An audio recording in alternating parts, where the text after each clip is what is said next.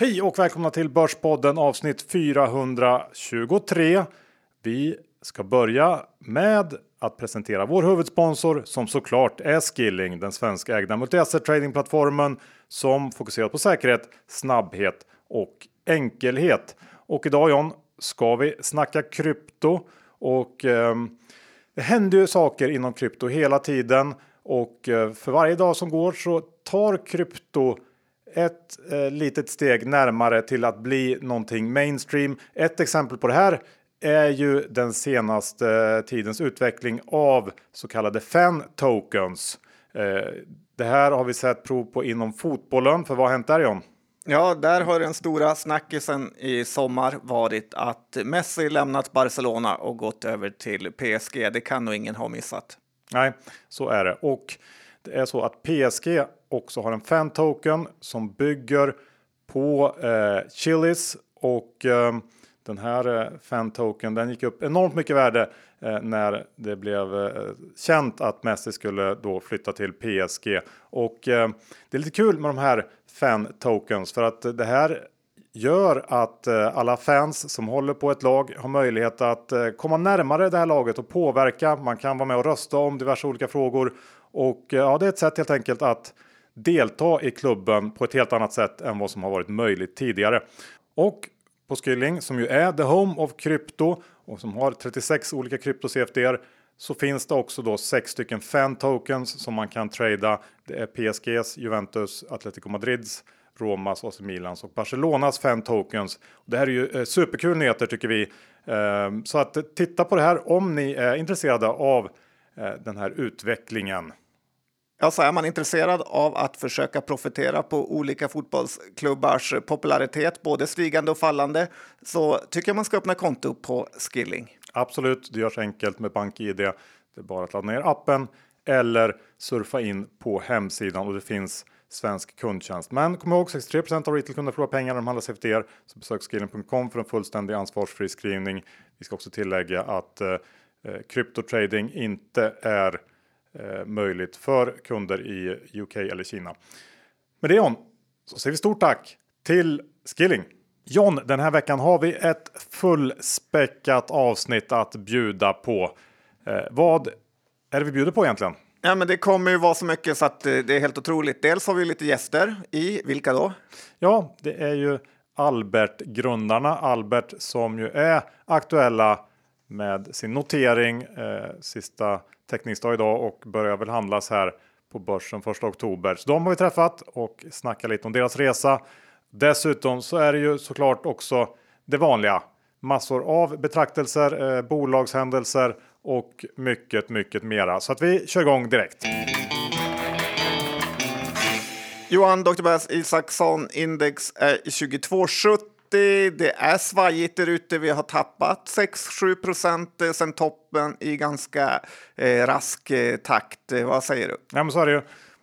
Vi återhämtade oss lite här i slutet av förra veckan och sen blev det skakigt igen i början på den här veckan. Ehm, och som du säger, en handfull procent från årshögsta.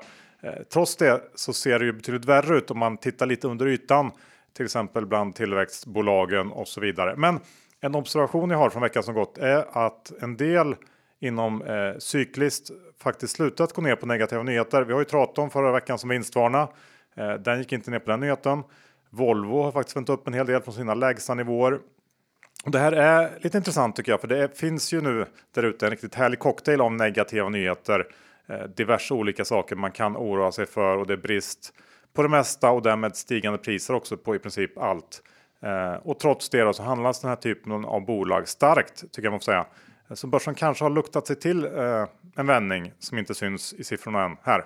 Lite får man ju faktiskt inse att det är ju betydligt bättre att det är brist och att det saknas saker än att det inte finns någon efterfrågan. För det kommer ju lösa sig till slut. Ja, absolut. Så är det. Jag håller med om det.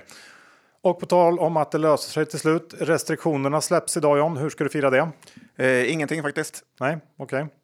Kul. Eh, man kan ju fråga sig hur eh, det här kommer påverka eh, samhället och kanske ekonomin.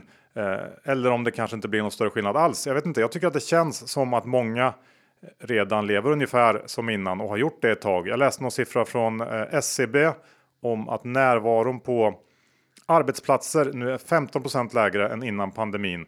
Och det tycker inte jag låter så mycket. Jag hade gissat på en ännu lägre siffra, men det är klart att det är stor skillnad på vilken typ av jobb vi pratar om. Och det här är väl någon slags aggregerad eh, siffra.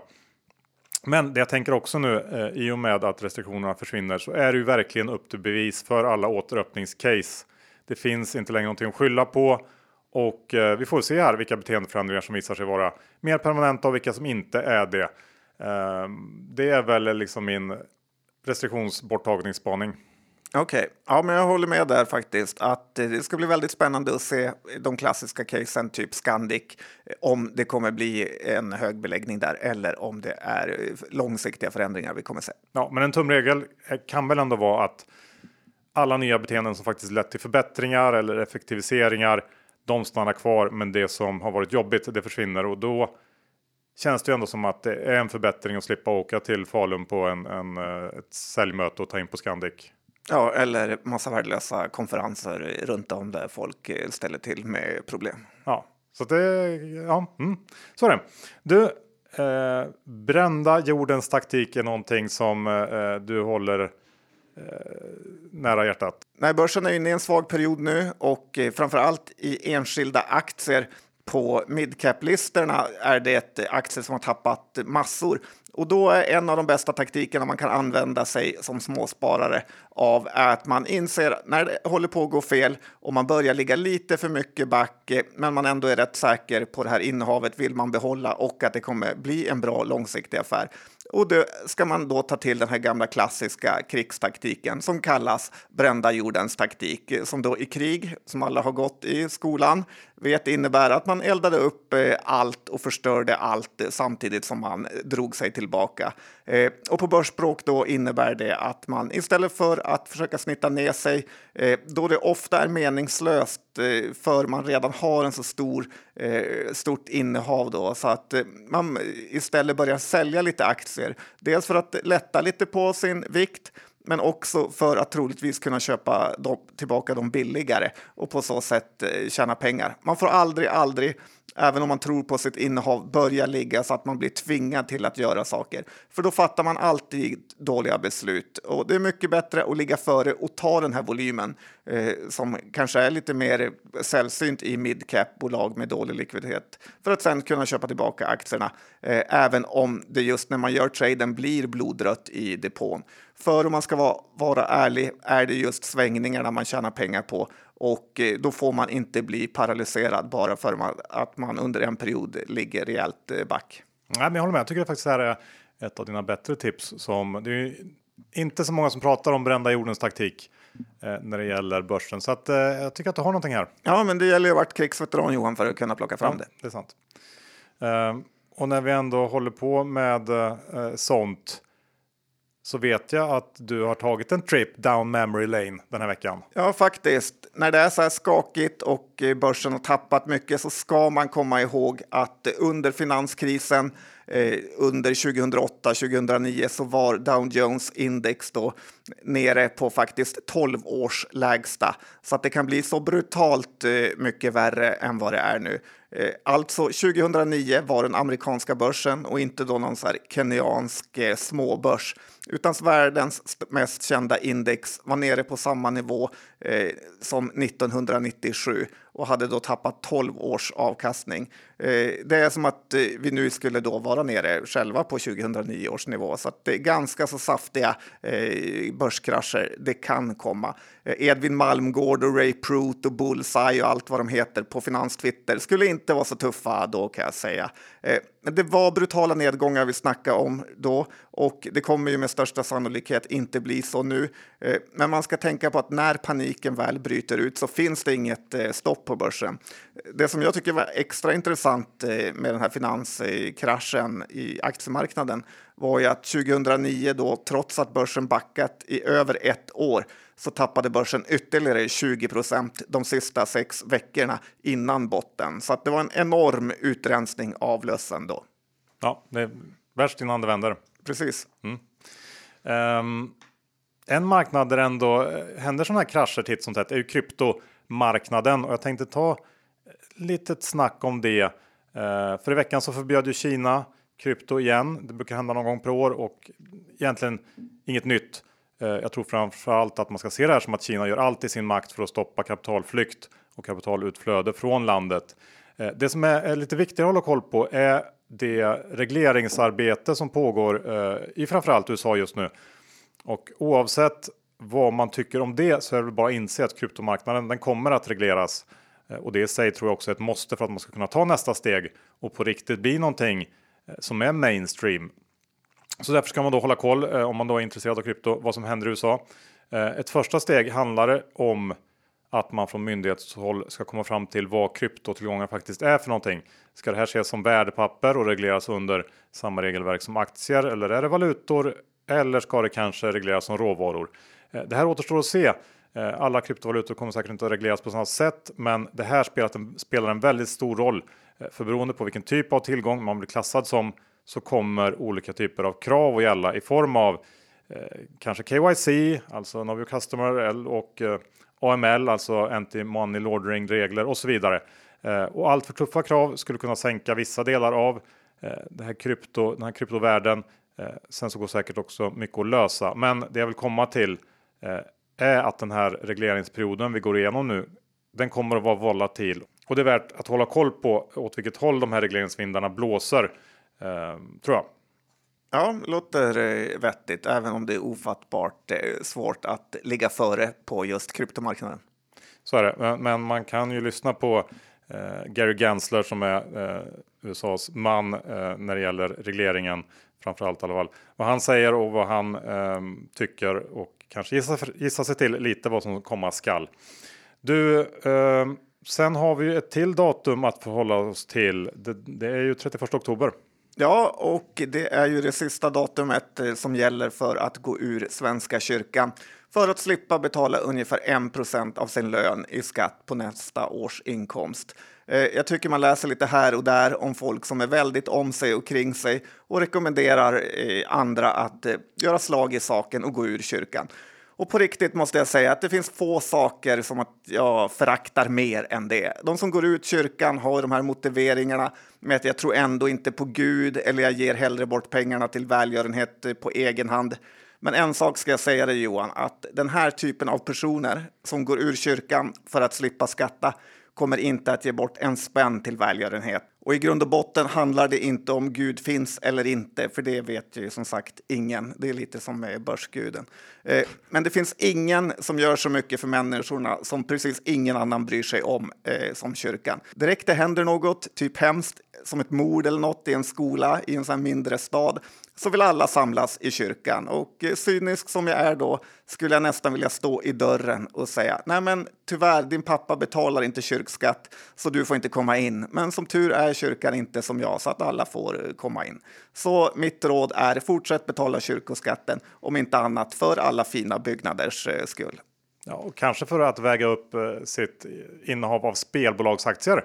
Ja, faktiskt. Ja. Då ska vi nog höja vår skatt ja, till kyrkan. Eh, och inom iGaming händer det grejer. Det fortsätter vara volatilt eller nyhetsrikt kanske man kan säga.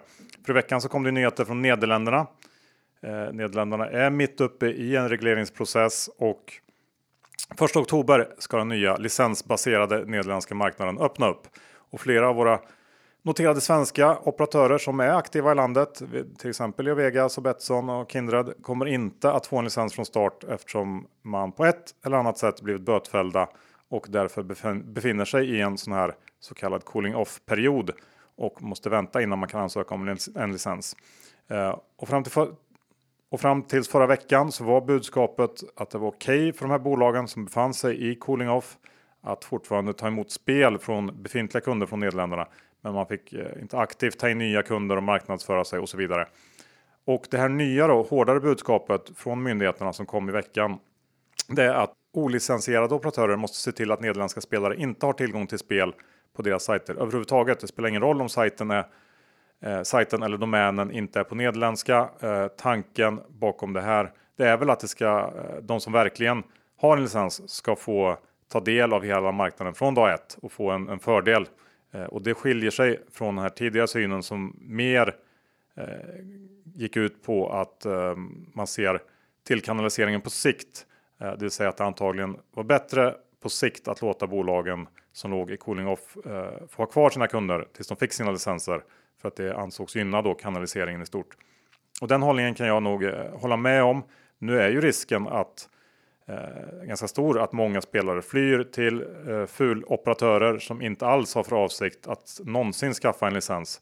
Och eh, hur man än vänder och vrider på det här så är det en negativ utveckling för våra svenska operatörer som då ser ut att bli helt utestängda från den nederländska marknaden under en eh, längre period.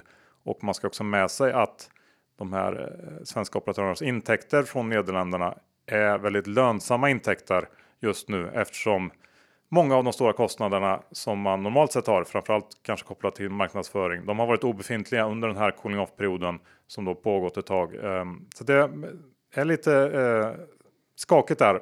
Sen ska vi också tillägga att situationen är väldigt rörig. Eh, det dyker upp ny information hela tiden och eh, det är väl inte riktigt skrivet i sten hur det här kommer att utvecklas. Men jag tror att det här ligger bakom en hel del av svagheten i, i eh, sektorn sista veckan. Ja, det har hänt mycket där.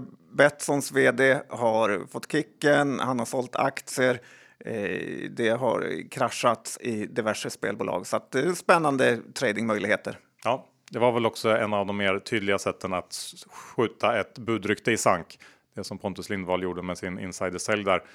Eh, tror att vi kan avskriva Fanetics budryktet ganska direkt. Ja, verkligen. Och eh, RSI, alltså Rush eh, Street, eh, fortsatte uppåt även igår när börsen i USA kraschade med 2% Så att, eh, eh, det är väl det som är det troligaste take-over targetet just nu. Ja. Du, energipriser är ju på tapeten för de rusar eller kanske till och med skenar. Eh, och du har tittat på lite energiaktier John. Ja, men faktiskt, de har gjort, gjort ett återtåg på börsen och eh, det är ju faktiskt eh, något som är lite småläskigt med att energiaktier går bra för att eh, kortsiktigt finns det nästan ingenting man kan göra för att skydda ekonomin mot det eh, när galningarna till politikerna och eh, är då inte bara i Sverige ska sägas utan i princip alla västländer Eh, har eh, satt oss lite i en energihärva. Eh, men på många sätt är det faktiskt ganska likt räntan att ett stigande oljepris faktiskt indikerar en stark ekonomi. Så därför tror jag inte på någon krasch. Men precis som med räntan är ju börsen livrädd för så kallade prischocker där då priset skenar. Men en lagom uppgång är nog snarare bara bra och det är möjligt att världen varit lite bortskämda eh, med lite för låga oljepriser sedan oljehåsen kring 2000-talet eh, då man började med eller i mitten var det nog snarare, då man började med fracking, havsborrning, eh, ja, som då vi konsumenter faktiskt fått skörda frukterna av.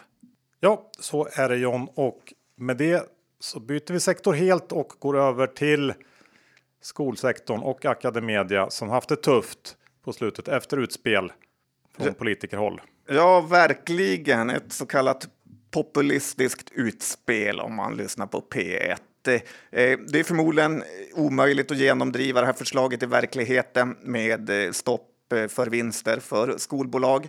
Eh, men eh, så då är frågan om man ska plocka upp Academedia efter den här semikraschen. Jag lutar lite åt det för det är p-tal under 10 nu. Men jag tycker man ska hålla koll på opinionsundersökningarna för att se om det lutar mot en borgerlig seger och först köpa då faktiskt. För Academedias ägarbild är så kass Eh, med bara massa fonder eh, som Capital Group eh, så börjar de bli rädda är ju eh, säljflödet enormt och dessutom så börjar ju Academedia bli någon typ av skolornas SSAB som aldrig får en högre värdering än P10. En till negativ grej är ju att nu under den här kurskrossen så går vdn ut och köper 3700 aktier Alltså, man får inte köpa så lite i det här läget för det signalerar ju bara svaghet. Lite som när man själv köper för sina sista belånade pengar för att man har slutat bry sig. Så att jag kommer inte köpa Academedia, eh, men jag tror man ska vara först på köpknappen om man märker att det barkar mot eh, regeringsskifte faktiskt. Så att eh, Rune Andersson och Melby Gård får steppa upp lite som ledare i opinionen om de vill få ändring på Academedias aktiekurs. Jag håller helt med om vd-insynsköpet där. De kanske borde, eh, alltså Rune Andersson och gänget, borde kanske kunna låna ut lite pengar då. Eh, till vdn så att han kan göra ett rejält köp. Ja, känns inte som Rune lånar ut billigt. Nej, kanske inte. Och inte som blev rik. Nej. Snart är det ju dags för Q3-år, vilket eh, känns skönt ändå. Och jag hade faktiskt trott på eh, många fler vinstvarningar inför Q3-orna än vad vi har fått.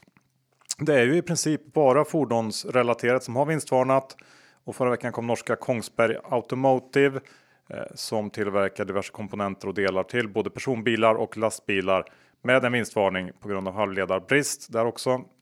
Ehm, och man justerar ner sin sitt, eh, sin prognos, ebit-prognos för helåret till 50 miljoner euro från 60 miljoner euro. Eh, och de här problemen med halvledare och komponentbrist det ska bestå då genom det fjärde kvartalet också.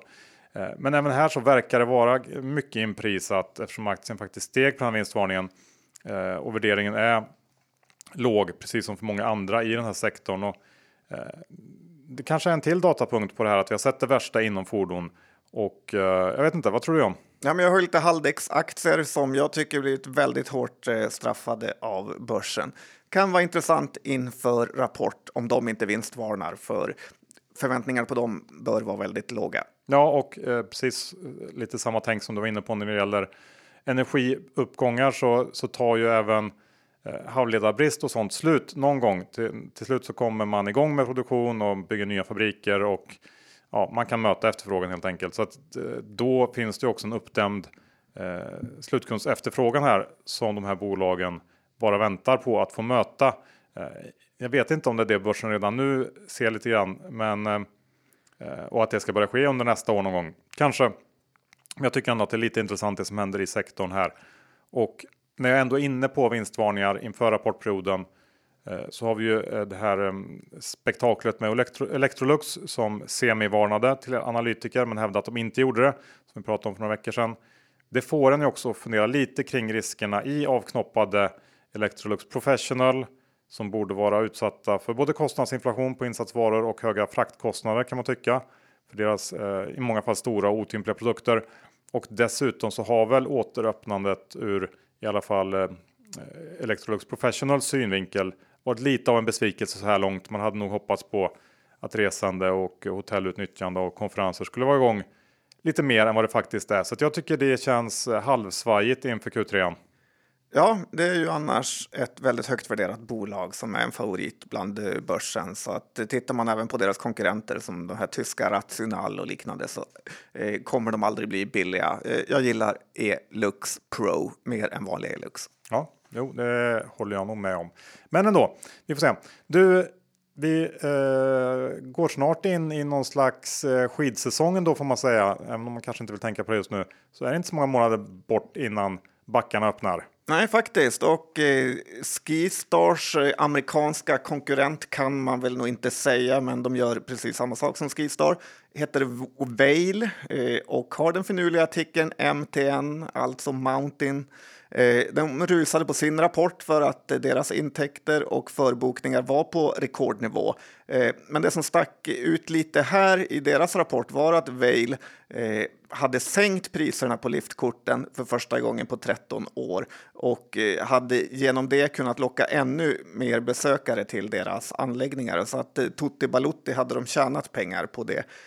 Så då tror jag faktiskt att dels, eh, trots att jag varit tveksam förut, att Skistar på riktigt faktiskt kan börja tjäna pengar på sommaren nu då folk eh, fått upp ögonen eh, för allt man kan göra i fjällen då och att bolaget faktiskt själva förstått att det finns eh, möjlighet att tjäna pengar på sommaren som de hittills eh, tidigare helt inte brytt sig om. Eh, men också det faktum att de faktiskt inte behöver höja priserna varje år för att öka de totala intäkterna. Så att eh, Skistar är nog ett långsiktigt bra eh, case eller aktie att ha i sin aktieportfölj. Ja, det är svårt att se. Eh, de har ju någon slags monopol som är trevligt att sitta på. Faktiskt. Mm. Eh, vi går också in i någon slags klädbolagsrapportperiod, H&M snart. Ja, det gör vi och eh, klädbolagen har ju alltid nästan brutet räkenskapsår eh, som börjar med att lämna rapporter här nu. H&M har ju rapport imorgon har jag för mig och eh, anledningen till att eh, klädbolagen nästan alltid har brutet räkenskapsår är ju för att jämna ut kvartalen som annars hade blivit brutalt eh, slagiga. Eh, Handelsbanken gjorde i alla fall en old school-grej i klädsektorn här i veckan genom att man höjde H&M till köp och sänkte Boost till eh, sälj. Och eh, eftersom rapporten är imorgon så ska det bli väldigt kul att eh, syna det här. Eh, det är modigt, men det är också kanske någon typ av tecken på återgång till det mer normala eh, där man hellre gillar en lägre värdering än en eh, hög som det nästan varit tidigare. Eh, sen är också det här klädbolaget Revolution Race varit på någon typ av mediaoffensiv och vill synas utåt. Eh, eh, så att jag gissar att deras Q3 kommer bli bra. Eh, men så undrar jag faktiskt om det inte är slut med håsen för Revolution Race. För det bolaget är nu värt 8 miljarder kronor och har ju växt något kopiöst och tjänat väldigt mycket på den här utetrenden, skaffa hundtrenden och allmänna hemmamystrenden. trenden Eh, och jag tycker man kan ställa Revolution Race börsvärde då mot, eh, på 8 miljarder mot Phoenix Outdoors eh, börsvärde på drygt 20 miljarder. Och de har ju funnits i evigheter, då Phoenix alltså, med mycket mer kända märken, ett butiksnät eh, mot då Revolutions numera uttjatade, vi har kapat alla eh, mellanhänder. Så att jag tror faktiskt att de har gjort sitt om man ska vara lite försiktig. Dessutom nynoterat. Ja, eh, någon slags comeback för det analoga kanske. Ja, lite. Ja, och sist ut idag John, eh, CTEC den eh, ja, extremt lyckade noteringen får man ju säga. Ja, faktiskt. Jag har snappat upp ett gäng CTEC-aktier nu. Eh, det kan ju låta sinnessjukt, eh, men den, eftersom den är upp typ 90 procent från eh, teckningskursen. Men jag tycker inte man ska stirra sig blind på just teckningskursen på 69 kronor, utan det kan vara lite som det stod i det här affärsvärldens golvet, att Latour har utövat sin makt för att hålla nere priset. Och jämför man med Garo så var det ju snorbilligt på 69 kronor så att man närmar sig eh, vid den här dubbleringen nu ändå något eh, mer av typ rimligt värde på dagens hypade börs. Att man dessutom är hovleverantör till Vattenfall med laddboxar eh, tycker jag ändå visar att man både kan prisa in sig och ha bra kvalitet. Så att eh, jag tror på den här elbilsrevolutionen egentligen just har börjat och då är CETEC ett bra spel på det. Eh, dessutom tittar man på, man ska säga Lex Söder Sportfiske så är det inte ovanligt att efter en sån här hype vid första dagens handel att aktien kraschar lite Eh, eh, för Cetec var ju uppe i nästan eller i 175 vid eh, kolen eh, på noteringsdagen eh, och sen har nu tappat ner till 120 kronor här. Södersportfiske gjorde något liknande som var uppe i nästan 80 för att sen gå ner till 60, men sen börja jobba sig uppåt igen. Så att jag hoppas botten faktiskt är lägre för Cetec för då kan man köpa mer. Men jag har i alla fall börjat med en liten stek här. Ja, så kan det vara. Den där väl att du säger emot dig själv lite grann eh, mot det du precis sa när det gällde det här med att börsen kanske går tillbaks till och gillar lägre värderingar när du pratar om H&M och Revolution Race. Eh, ja, men CTEC är ju lägre värderat jämfört med Garo, det är så jag tänker. Okej, okay. ja, men det är fortfarande högt värderat. Ja, så det, är det Johan. Det kanske kan vara okej okay, det med. ja, att tjäna pengar på börsen. Och nu John är det dags för vårt snack med Salman och Arta som har grundat Albert och Albert är på väg in till börsen och vi har helt enkelt tagit reda på vad de ska göra där, hur de har tagit sig dit och ja, allmänt snack kring Albert och deras eh, tjänst. Det var kul och eh, ja, lyssna här. Vi säger välkomna till Arta Mandegari och Salman Eskandari som är grundare och numera vd respektive vice vd för Albert som är aktuella in på börsen inom kort. Välkommen till Börspodden! Tack så mycket! Tack så mycket! Kul att få vara här. Ja, men kul att ha er här. Eh, vi kan väl till att börja med eh, fråga er lite kort om er bakgrund. Vad, vad, har ni gjort innan ni startade Albert? Som ju är en, för de som inte vet det då, en, en digital plattform, en app för barn som ska lära sig framförallt matte, eh, men även lite andra ämnen. Ja, så vi, jag och Arta, vi eh, vi känner varandra sedan barnsben. Vi har växt upp ihop eh, och egentligen pluggat hela vägen från grundskolan upp till och med universitetet tillsammans. Hur gamla är ni? 34. 35.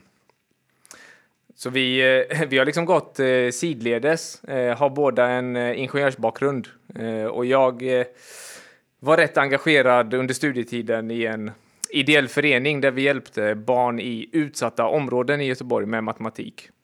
Så vi tog liksom in dem till Chalmers, pluggade matte ett par timmar i veckan eh, och jag fastnade helt för det. Det gav så bra effekt på deras studieresultat. Eh, så jag gjorde det i drygt fyra år innan jag gick ut och sen var jag inom management consulting i fem år ungefär. Eh, Vilken firma? Triathlon heter firman, en lokal firma i Göteborg. Eh, och ni kommer märka säkert att Arta är den roliga av oss två. Eh, den lite mer idérike och jag är kanske den tråkigare, lite mer riskmedvetna. Men, men Arta brukar alltid ringa mig med alla sina affärsidéer som han ville dra igång ända sedan vi var åtta, nio år. Eh, som jag sa nej till fram tills den här idén kom. Så jag tror på vägen har jag liksom avfärdat en digital begravningsbyrå, en digital vårdcentral. Eh, tills idén kom att, ah, men ska vi inte dra igång en digital mattelärare? Eh, och, och, jag älskar matte, så jag tyckte nu kom han med en genialisk idé för en gångs skull. Eh, och där började det. Men sagt nej till en digital vårdcentral, det känns som att eh, han är skyldig dig några miljarder med tanke på Kry och så Nej, vidare. jag, jag har hört den här faktiskt. Salman, du som sägs vara så oerhört smart, det var inget vidare smart. så jag får, jag får bjuda på den. Arta, ber- berätta lite om dig. Ja, det blir lite jobbigt att komma in när han säger att jag är den roliga av oss. Eh, sätter nivån lite, jag vet inte. Opportunistisk skulle jag vilja säga. Ja, precis samma sa vi har ju gått sidledes hela vägen från mellanstadiet, högstadiet, gymnasiet. Vi har gått samma klasser hela vägen upp till Chalmers. Det var egentligen de två sista åren. Jag körde ett mer entreprenöriellt spår. Jag kunde inte bli managementkonsult. Eh, jag hade inte betygen för det om jag ska vara helt ärlig. Eh, så jag körde ett mer entreprenöriellt spår. Startade mitt första bolag 2008 som student. Då. Det lever än idag. Eh, anställda kanske 60 heltidsanställda. Consumer goods-bolag, tillverkningsbolag. Eh, sen körde jag, en av investerarna till det bolaget var en familj som heter familjen Fjoknik som startade Oriflame Cosmetics, eller äger Oriflame Cosmetics. Då. Så hamnade i deras sfär, Jag jobbade i Asien i ett par år, flyttade dit med min nuvarande fru då. Eh, I Indien ett och ett halvt år, Vietnam ett och ett halvt år. Eh, ja, jobbar mycket med, jag vet inte om ni känner till den verksamheten, det är sälj. Eh, så, ja, råkräng, eh, kosmetika, sålde smink på Indiens gator. Det var det jag gjorde i ett par år och i Vietnam. Då. Framförallt eh, driva försäljning och marknadsföring. Då. Salman är ganska ödmjuk, så, så när, när jag ringde honom om idén så frågade jag faktiskt, kan man ta din hjärna och paketera den digitalt och sprida den till så många barn som möjligt? Det kändes absurt att man då, vad var det, 2015, 16 behövde sätta sig på spårvagn eller buss och ta sig in på bibliotek. Eh, eller för en, eh, ja, eh, en familj och, och faktiskt beställa hem en fysisk läxhjälpare och hjälpa till i hemmet för 400-500 kronor i timmen. Det kändes fel, eh, speciellt i ett land som Sverige. Eh, så, det handlar i grund och botten, idén handlar om att demokratisera möjligheter till kunskap på ett vettigt sätt och vi eliminerar den fysiska personen, prisar oss på ett sätt som gör det tillgängligt för den breda massan egentligen. Eh, och ja, det är där idén kommer ifrån. Mm. Och kan ni inte berätta lite hur, hur ser bolaget ut och hur har resan sett ut fram tills idag? Ja, re resan har varit eh, krokig eh, om vi tittar liksom historiskt och hela kommersialiseringsfasen egentligen. Så vi började ju som ett eh, B2B-bolag, eh, försökte sälja till skolor. Eh, och det är liksom extremt långa ledtider till försäljning. Skolan vill gärna testa ett år, kanske två år. Eh, och när det väl kommer till kritan så finns inte det budgetutrymmet. Eh, så vi svängde faktiskt om till konsument mitten 2017. Och då gick vi till en renodlad eh, business to consumer subscription modell. Eh, så föräldrar köper abonnemang, eh, föräldrarna är våra kunder och barnen är de som använder produkterna. Eh, och, den modellen har vi hållit fast vid och optimerat egentligen ända sedan dess. Men kan det inte vara en idé att ändå vara med på skolorna och förskolorna för att typ som Roblox och World of Warcraft och så vidare, att man får, de blir vana sen när de kommer hem och vill ladda ner spelet då? Absolut. Så vi, vi har ju sett eh, många bolag i vår domän som har gått den andra vägen. Så man har börjat med en konsumenttjänst och sen tyckt att det är svårt, får inte till affärsmodellen, det är kapitalintensivt och så går man till skolan. Eh, vi kom från andra hållet och egentligen inte för att säga att vi kommer aldrig att sälja till skolan, utan det passade inte oss där och då liksom. Eh, vi fick inte snurr på den affären och sa vi, ja men vi kör konsument först, det passar oss mycket bättre. Snabbfotat, datadrivet, du är mycket, nära, mycket närmare din slutkund och din slutanvändare. Men när man har fått upp en kritisk massa i konsumentledet så är det inget som säger att man inte kan gå den omvända vägen och, och bygga på med ett B2B-ben så att säga. Men Salman, du hade ju gått på Chalmers, eller hur? Ja. Och har, man, har ni någon forskning på att det här fungerar eller är det bara känslan av, eh, liksom, finns det några testresultat som visar att barnen blir bättre? Så det vi gör, det finns eh, två svar på det egentligen. Det ena är innehållet som vi har i apparna är kvalitetssäkrat. Så där jobbar vi dels ihop med större förlag eh, och dels så har det lärare och läromedelsförfattare som har varit med och tatt, liksom utformat själva övningarna. Eh, sen det vi gör är ju att i och med att vi bara säljer till konsument så mäter vi inte effekten i skolan av att använda vår produkt. Däremot så mäter vi effekten på nya saker vi släpper, nytt innehåll vi släpper. Eh, så vi AB-testar extremt mycket. Eh, ett exempel skulle kunna vara att vi lanserar animerade videolektioner eh, som ett AB-test och så kan man mäta, okej, okay, de som tittar på lektionerna, presterar de bättre på våra egna prov än de som inte får lektionerna till exempel?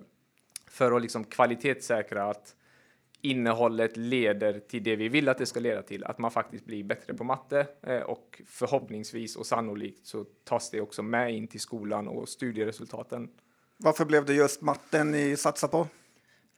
Ja, det var som jag sa initialt att vi, en av oss är väldigt, väldigt smart. Eh, och jag brukar säga, om, om, man jämför, om man tar ett exempel på när vi skrev tentor på universitetet, så var jag den som memoriserade allting och, och, och gick in på tenta, i tentasalen och bara skrev av allting snabbt, det som jag kommer ihåg, medan Salman satt på tentaplugget och bevisade formlerna som man fick använda på tentan i flera sidor. Eh, så det har nog med vilken kunskap vi har i, i den här duon som sitter här då, mellan mig och Salman. Att, eh, Salman är väldigt duktig på matematik.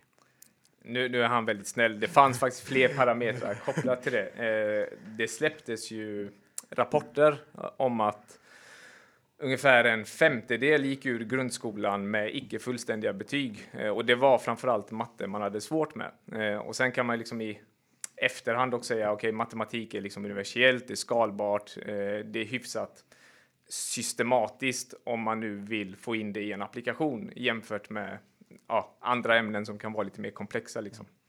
Men jag kommer ihåg det där studieresultatet, för det var den eh, Arta tog upp att ja, men det känns helt skevt. Eh, vi bor i Sverige, ska liksom en femtedel gå ur med icke fullständiga betyg från årskurs 9? Eh, och, och, matte var by far det ämnet som flest hade svårt för. Men vad är det ni gör i, i appen som man kanske inte eh, gör i skolan då? Gör ni någonting annorlunda på något sätt? Jag vet inte om det är att vi gör så mycket annat. Alltså man får ju titta på vad skolan har för förutsättningar. Eh, du har liksom en lärare som ska hjälpa 20-30 barn. Det är helt omöjligt att, för en lärare att skräddarsy den lärupplevelsen. Man får hålla sig till en standard och sen hoppas att så många som möjligt följer med. Eh, och så kanske det blir en grupp som liksom ligger efter, en grupp som ligger före och blir ostimulerade. Det vi gör är att vi tillåter barnet att lära sig på dess egna villkor. Man kan jobba i sin egen takt. Ligger man lite efter, då kan man göra enklare övningar. Ligger man lite före kan man göra svårare övningar. Så jag tror själva digitaliseringen av det ger oss fler möjligheter än vad en lärare fysiskt kan göra, eh, för de är begränsade. Men det här med att ni vill demokratisera lärandet, det kostar ju fortfarande pengar att ha den här appen. Är det inte risk att det blir tvärtom nästan? Att det är liksom Bromma-familjerna som skaffar det medan de som kanske behöver det mest inte har råd att lägga de här 100 plus kronorna det kostar? Det är en bra fråga. Vi, vi, eh, vi, vi stångades själva väldigt mycket i, i okay, hur ska detta prisas? Och, eh, jag tror för att ge en, en bra bild av hur vi gick tillväga, eh, förutom att jämföra med vad som fanns på marknaden då. Där och då fanns ju bara fysisk läxhjälp som kostar 400-500 kronor i timmen eh, och eh, det, det, är en väldigt liten del av samhällsskaran som har råd med 400-500 kronor i timmen och har du en session i veckan blir det ungefär 2000-2500 kronor i månaden.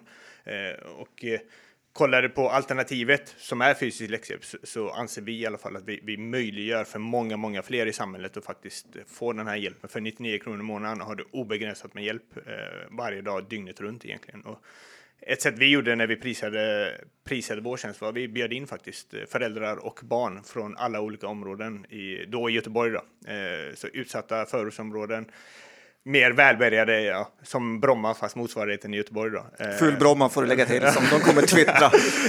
Eh, och bjöd in dem till kontoret och faktiskt eh, lät både föräldrar och barn och barnen att prova en prototyp som vi hade. Och så började vi ställa frågor. Okej, okay, hur mycket skulle ni vilja, hur mycket tycker ni är värt? Hur mycket hade ni kunnat tänka er betala för en sån här tjänst? Och då fick barnen skriva en siffra på ena sidan lappen och sen fick föräldrarna skriva på den andra sidan. Och vi hamnar någonstans i att en Big Mac och Company med en plusmeny och kanske en glass en gång i månaden. Det har faktiskt alla i det rummet eh, möjlighet till. Eh, och, eh, så i vår, vårt perspektiv handlar det mycket om att skapa ett alternativ som inte fanns, skapa en marknad som inte fanns, tillgängliggöra, möjliggöra eh, kunskap på ett sätt som eh, de flesta har råd med.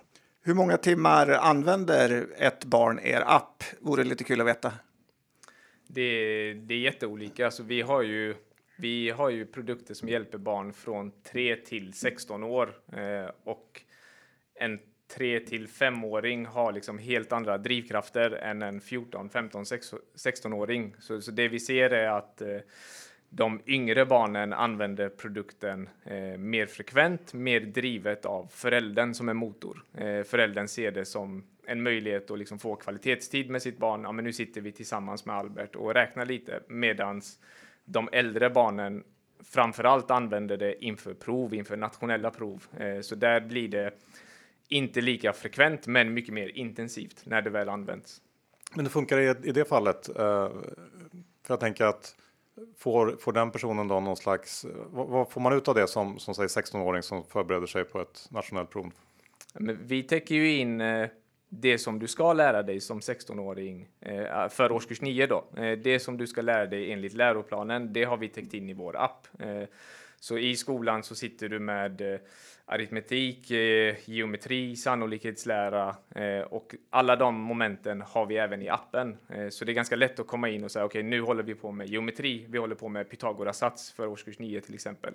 Och så letar man upp det i appen och sitter och övar, tittar på animerade lektioner, man gör övningar själv. Eh, Albert finns där som hjälp ifall man fastnar och man kan göra tester i appen för att se ja, men hur ligger jag till ungefär eh, inför provet. Hur ser det ut med konkurrens? Den är spretig.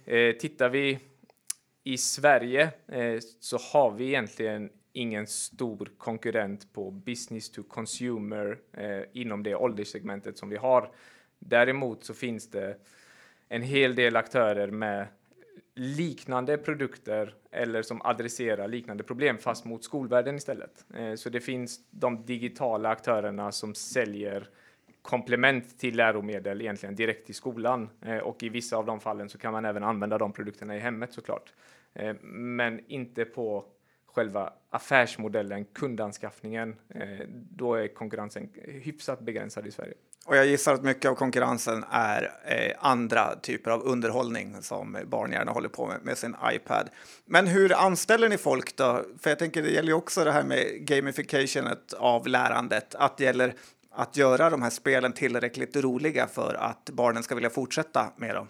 Ja, det är en eh, fråga vi får jätteofta. Eh, jag tror, ska man titta på hur Albert skiljer sig från majoriteten av utbildningsapparna man hittar i App Store och Google Play eh, så kommer vi från att vara ett utbildningsbolag eh, medan många utbildningsappar är spel där man har vävt in element av utbildning. Eh, de är ganska relativt tunna innehållsmässigt, jätteroliga att använda, eh, men du lär dig inte allting du behöver för din ålder. Eh, och, och, vi har tagit den andra vägen. Eh, så extremt mycket innehåll, väldigt brett, väldigt djupt eh, och sen lägger vi på ett lager av gamification för att göra det roligare. Eh, och egentligen ju yngre barnet är, desto viktigare är det elementet. Eh, för kommer man upp i sen mellanstadie, högstadie så finns det helt andra inre drivkrafter hos barnen. Att eh, okej, okay, jag måste liksom få ett betyg, jag, jag, ska söka till gymnasiet, jag måste klara det här. Eh, då är det inte lika viktigt.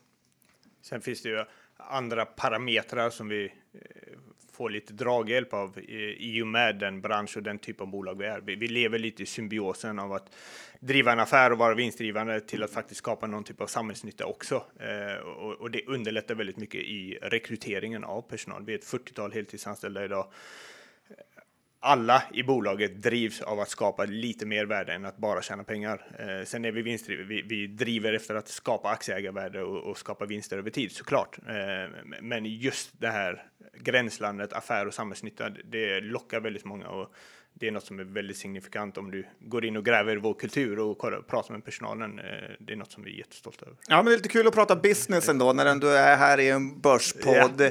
Ja. Kan du inte dra lite caset eh, vad ni ska göra på börsen? För ni kommer in här på börsen i dagarna. Eh, och varför ska man investera i Albert? Och varför har ni hemsidan Hej Albert men, och inte Albert?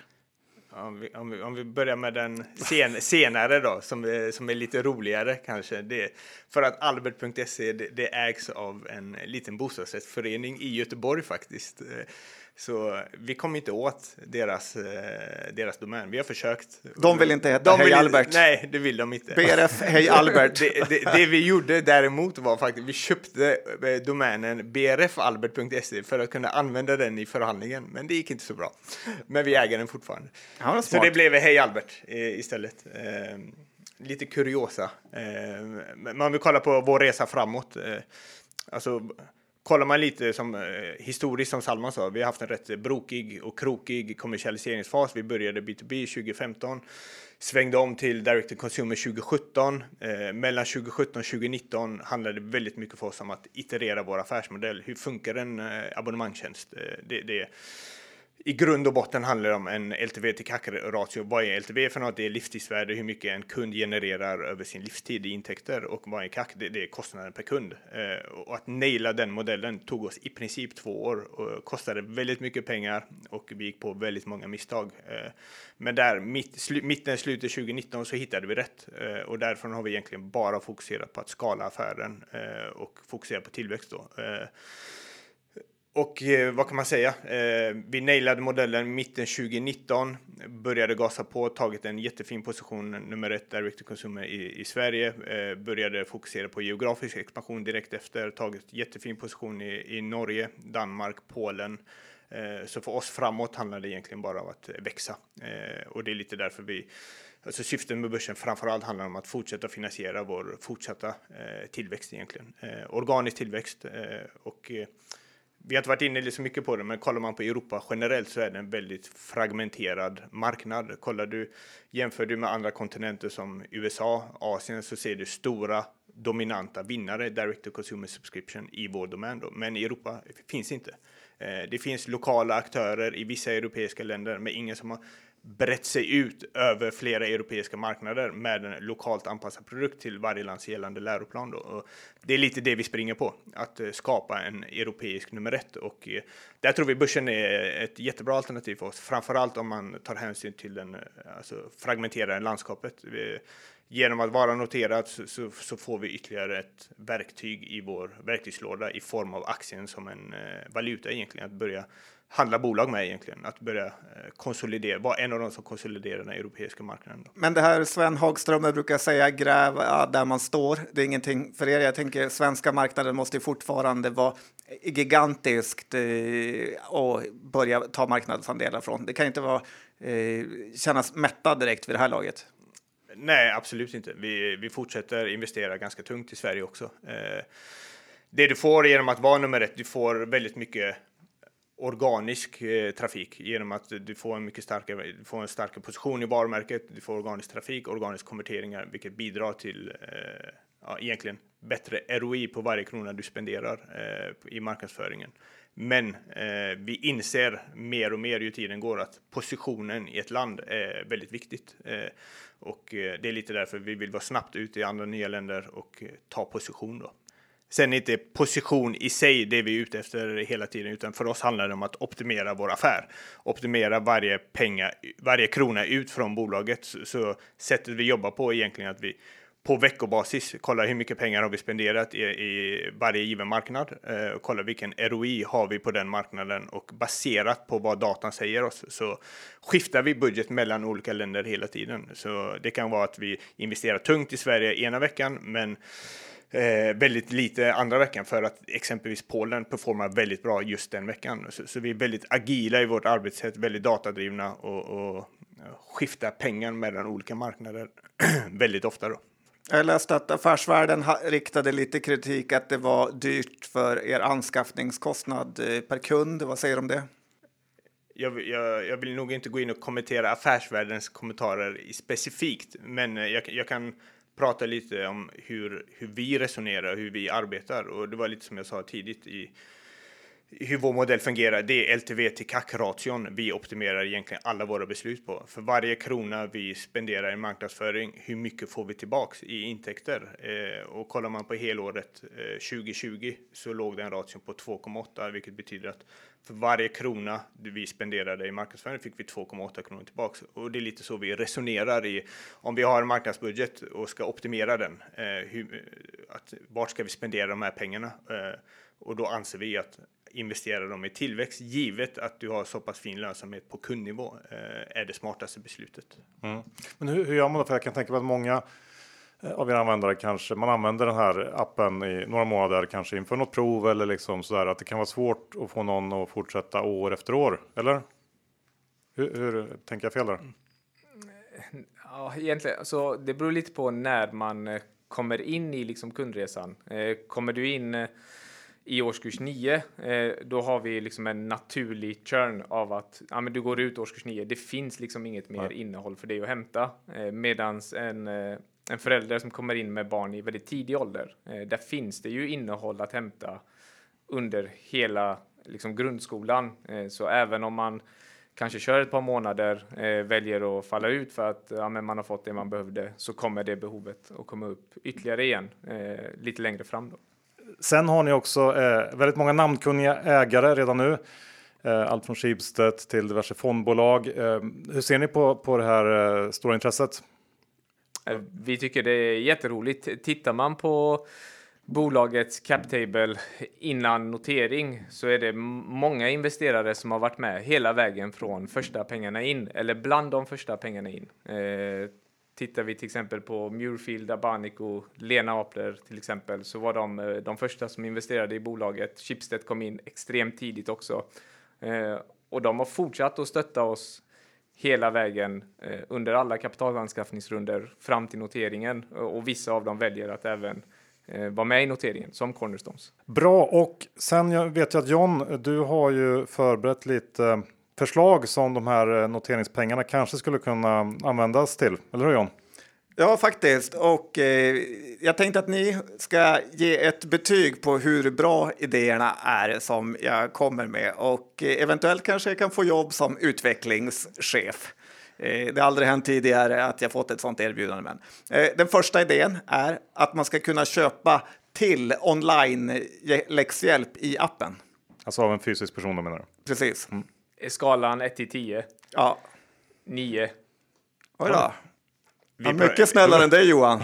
Vi pratar faktiskt om just den där featuren. Uh, as we speak. Vi pratar om den i princip varje ledningsgruppsmöte mellan mig och Salman. Stångas vi rätt mycket uh, kring den frågan också. Det ligger oss nära om hjärtat. Det handlar i grund och botten för oss att ta ett helhetsgrepp kring skolan i hemmet då, uh, eller skolfrågor i hemmet då. och där tror vi man kan få det lilla extra eh, genom att erbjuda den typen av tjänster. Så ja. jag, jag, hade nästan sagt nio och en halv i alla fall, minst. Ja, Säg bra, bra. John blir alldeles för jobbig att vara med som. Ja, men då har vi förslag nummer två. Att eh, ni ska bli ett barn-Readly med typ Bamse och andra barntidningar i appen. Nio på den också alltså. jag sa till John innan att den här är helt usel. Det här kommer de aldrig... Bamse? Ja, men att det ska... För jag tycker kanske Ridley är ganska dåligt. Men, uh, ja, men ni gillar den idén? Ja, vi har ju, vi har ju eh, Albert ABC eh, där vi lär barnen alfabetet och, och, och, små ord och kortare meningar. Så nästa steg skulle absolut vara att kunna koppla på. Eh, det passar bra att det finns någonting att läsa också. Ja, men absolut. Ja. Sen gillar vi inte Readlys gross profit profil. Vi, vi gillar att äga innehåll. Det är en Eh, så, så vi får se lite hur vi hittar en väg framåt där. Ja, och sen det sista förslaget här då, och det kanske är lite mer kontroversiellt, eh, men eftersom barn rör sig för lite så att man ska ha live barngympa via paddan. Ni är helt i chock över de här idéerna ni får gratis. Ja, de två första var mycket starkare än den sista. Men den har varit uppe på tapeten. Det har den faktiskt. det, det vi kan säga är att vi, vi tror ju väldigt mycket på fysisk aktivitet och eh, relationen till inlärning. Att eh, fysisk aktivitet är bra eh, och skapar bättre förutsättningar för inlärning hos barn, även hos vuxna faktiskt. Det finns ju Eh, forskning på det till och med. John, jag tror aldrig du har varit så nära, så här nära ett jobb någonsin. Så det, vi- men det, det, jag vet inte om du har sett det, men innan, innan pandemin så vi har haft eh, jättestora samarbeten med just barnlopp. Ta Göteborgsvarvets barnlopp, Stockholm Marathons barnlopp, Lidingöloppet, Tjejmilen. Där vi faktiskt går in och sponsrar startavgiften för, för alla barn som vill springa. Eh, och det är ett sätt för oss att skapa fler möjligheter, eller mer möjligheter för att fler barn ska komma i rörelse. Då. Eh, så du är nästan spot on, fast lite sidovägen in där. Eh, Ja, men jag gillar ju att röra på mig också, så att det är kul, kul att höra att ni eh, hjälper barn att röra sig. Ja, det finns onekligen mycket att göra på den här marknaden och eh, det ska bli väldigt spännande att följa er. Nu ska vi se. Eh, idag när det här avsnittet sänds, 29 september, så är det sista teckningsdag om man vill teckna sig för aktier i noteringen och första handelsdag är 1 oktober. Eh, så att eh, vi får önska er all lycka till eh, med noteringen. Hoppas att det går kanon. Tack så mycket. Kul att ni tack kom. mycket. Kul att Tack. vi fick vara här. Slut på avsnitt 423. Vi säger stort tack till vår huvudsponsor Skilling.